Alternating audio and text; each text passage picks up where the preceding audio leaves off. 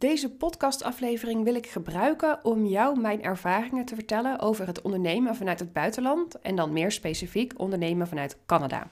Ik heb natuurlijk op een eerder moment een eh, aflevering gemaakt over het feit dat ik ben geëmigreerd naar Canada, maar ik heb het nog niet specifiek gedaan vanuit het ondernemerschap. En ik denk dat dat wel heel erg interessant is van wat heeft deze emigratie voor mij betekend in mijn ondernemerschap.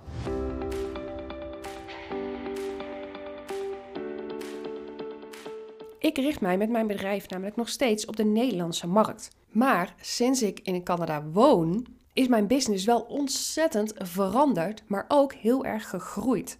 En in mijn visie heeft het feit dat ik dus hier in Canada woon daar een hele hoop aan bijgedragen. Het ondernemen vanuit het buitenland geeft voor mij veel meer mogelijkheden om mijn eigen pad te gaan bewandelen.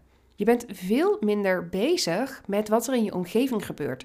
Je laat je veel minder beïnvloeden. Want je hebt letterlijk en figuurlijk een afstand gecreëerd tot, dat, ja, tot je basis.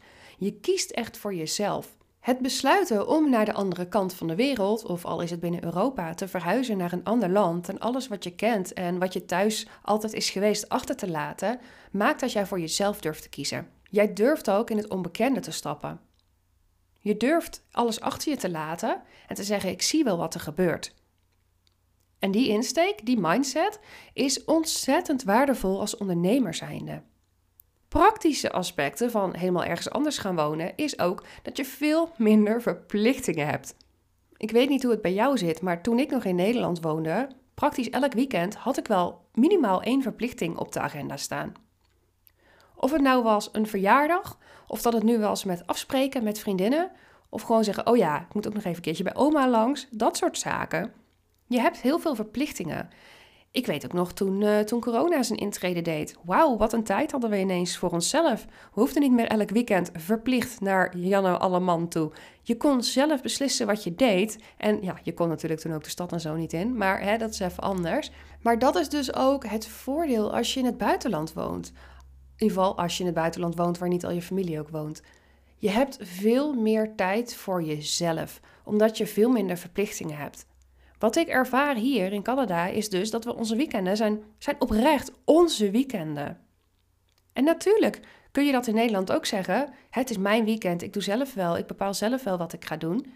Maar toch heb je daar vaak dat sociale aspect bij, dat het niet wenselijk is, dat je als asociaal wordt gezien of egoïstisch wordt gezien. En in het buitenland heb je dat dus niet. Dus dat vind ik ook een heel groot voordeel. Maar wat het voor mij dus heeft betekend dat loskomen van je basis, van je thuisbasis en helemaal ergens anders heen gaan, is de mogelijkheden kunnen inzien. Wat er allemaal wel niet mogelijk is. Je krijgt minder mee van wat mensen over je zeggen als ze al iets over je zeggen. Maar je bent daar veel minder door te beïnvloeden. Veel minder mensen die totaal niet weten waar jij mee bezig bent of waar jij je in bevindt en wat voor omgeving, hebben hun mening klaar. Misschien hebben ze die wel, maar die hoor je niet, want je spreekt die mensen ook een stuk minder, omdat je dus niet constant in het weekend of door de week omgeven bent door al die mensen. En dan kun je denken, hey Phyllis, ben jij een of ander antisociaal iemand die niet van mensen houdt? Nou, ik ben heel graag op mezelf, ja. Maar het feit is natuurlijk wel, als jij bij je familie op een verjaardag zit en stel het gaat over coachen. Nou, coachen is echt zo'n thema waar iedereen wel een mening over heeft. En vooral mensen die zich natuurlijk niet in de coachingswereld bevinden en mensen die niet gecoacht willen worden of gewoon niet gecoacht worden. Die vinden allemaal dat er te veel coaches zijn. Iedereen wordt maar coach. Hè, dat, dat is een discussie, je ziet het ook in de media gebeuren. Ik weet dat ik toen ik nog in Nederland woonde, dat dat ook op verjaardagen werd besproken. En ergens zat er bij mij wel zoiets van: ik zou dat wel willen doen. Maar toch voelde ik me daardoor beïnvloed en voelde ik me daardoor dat ik denk: ik durf dit niet zo goed uit te spreken. Dat kan wat over mij zeggen, maar ik denk dat het wel heel erg herkenbaar en relateerbaar is voor veel meer mensen. En misschien ook voor jou als luisteraar. En nu ik dus in Canada woon, heb ik op een gegeven moment die keus durven te maken. Ik word coach. Ik ga dit gewoon doen. Ik ga dit gewoon uitspreken dat ik dat ben. Dat ik mensen daarmee help. Nou ja, sinds ik dat heb gedaan, is mijn business echt in een enorme stroomversnelling gekomen. En ook mijn zelfontwikkeling is enorm gegroeid. Volgens mij niet echt uh, juist hoort. Ik heb wel uh, vaak tegenwoordig in mijn podcastaflevering dat ik denk, deze zinnen kloppen niet. Maar in ieder geval, ik ben heel erg gegroeid. CQ, ik heb heel erg veel aan zelfontwikkeling gedaan. En ik ben ervan overtuigd dat dat voor het grootste deel is ingegeven door het feit dat ik in het buitenland ben gaan wonen. Kijk, een ander heel mooi voordeel, wat bij mij ook werkt, is het tijdsverschil. Misschien denk jij dat juist het tijdsverschil heel erg lastig is. Ik loop uh, acht uur achter op Nederland. Dus als het uh, in Nederland drie uur s middags is, is het bij mij zeven uur s ochtends. En dat is ook het tijdstip waarop ik begin met werken en waarop mijn afspraken ingepland kunnen worden. Wat dit tot gevolg heeft, is dat ik alleen maar in de ochtend afspraken heb. Ik begin dus om 7 uur met afspraken met klanten, met Zoom-sessies. En tot uiterlijk 1 uur mijn tijd loopt dat door. Dat is 9 uur s'avonds Nederlandse tijd. Er zijn mensen die graag s'avonds een afspraak inplannen. Nou, dus daar kan ik ook aan voldoen. Want ja, weet je, het is voor mij niet mijn avond.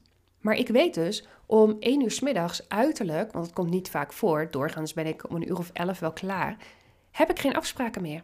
Heb ik tijd voor mezelf? Ben ik niet meer afgeleid? Want ja, ik hoef niet te denken: oh ja, ik moet nog met die en die bellen. Ook mijn mailbox wordt een stuk stiller en rustiger. Ook social media is een stuk stiller in de middag. Dus dat betekent dat ik in de middaguren veel minder afleiding heb. Wat mijn productiviteit natuurlijk heel erg ten goede komt. Dus het tijdsverschil, ook al zal je denken 8 uur is een best fors tijdsverschil, nou ja, dat is het ook zeker. Maar het is juist, het werkt bij mij juist in mijn voordeel. Wat ik ook merk, en daar heb ik ook een keer een Instagram-post over geschreven, is dat ik hier in Canada veel meer inspiratie heb. Toen ik namelijk vorig jaar drie weken in Nederland op vakantie was, dacht ik, ik ga gewoon doorwerken. Maar ik had echt geen inspiratie. Ik dacht echt, ik weet gewoon niet wat ik moet delen. Ik heb gewoon, ja, ik, ik weet het niet. Ik heb er gewoon geen zin in. En ik vond het echt heel moeilijk en een opgave. En het moment dat wij terug waren in Canada, dat ik voet op Canadese bodem zette, ja, ik bruiste gewoon weer van de inspiratie.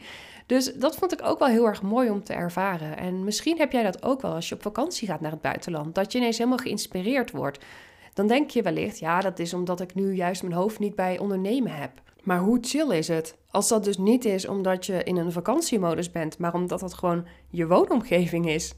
Dat je daar zo geïnspireerd door wordt. Ja, ik vind het echt fantastisch. Dus dat werkt voor mij ook gewoon heel erg goed. Het feit ja, dat ik in zo'n inspirerende, mooie, prachtige natuuromgeving zit. Verder, wat bij mij natuurlijk ook bijdraagt, is practice what you preach. Kijk, ik zeg natuurlijk van je kunt je droomleven leiden. Je kunt doen wat je wil. Voor iedereen is het mogelijk om haar dromen te realiseren. Ook voor jou. En dat betekent dus ook bijvoorbeeld in het buitenland werken. Of hele grote enge stappen nemen. Ik weet wat dat is. Ik weet hoe dat gaat. Ik weet wat je dan voelt, want ik heb het ook ervaren. Ik ben niet iemand die, uh, wat ik dan zeg, in een appartementje driehoog achteraf zit te zeggen: Ah joh, je kan alles, je moet in het buitenland gaan wonen en werken, want dat helpt en dat, dat kun je ook realiseren, die droom. Ja, ik vind dat ongeloofwaardig als je dan zelf in, uh, nou wat ik zeg, je appartementje driehoog achteraf zit. Ik kan zeggen: iedereen kan de droomleven leiden. Jij kunt ook naar het buitenland verhuizen als je dat wil. En ik kan ook zeggen wat dat met je doet. Want ik heb het allemaal ervaren. En dat verhaal is voor mensen ook heel erg inspirerend en daar kunnen ze zich ook echt aan optrekken. Dus dat vind ik ook heel erg werken. Ik kan dus wel zeggen dat het feit dat ik naar Canada ben verhuisd en dat ik mijn bedrijf gewoon heb doorgezet, nog steeds voor Nederland werk, echt een ontzettend goede impuls is geweest voor mijn business en ook voor mijzelf. Want nou ja, die business is een verlengstuk van jezelf. Het heeft voor mij zoveel mogelijkheden gebracht zoveel deuren geopend, zo goed laten zien wat er allemaal wel niet mogelijk is, dat ja, dat is zo ontzettend waardevol. Ik ben benieuwd of dat jij ook vanuit het buitenland onderneemt of daar wel eens over droomt. Ik zou het heel leuk vinden om dat van je te horen. Stuur mij vooral ook een eh, DM op Instagram, vind ik tof. En dank je wel dat jij er weer bij was bij deze podcastaflevering. Ik hoop je natuurlijk de volgende keer weer te zien en uh, dank je wel voor het luisteren. Doei doei!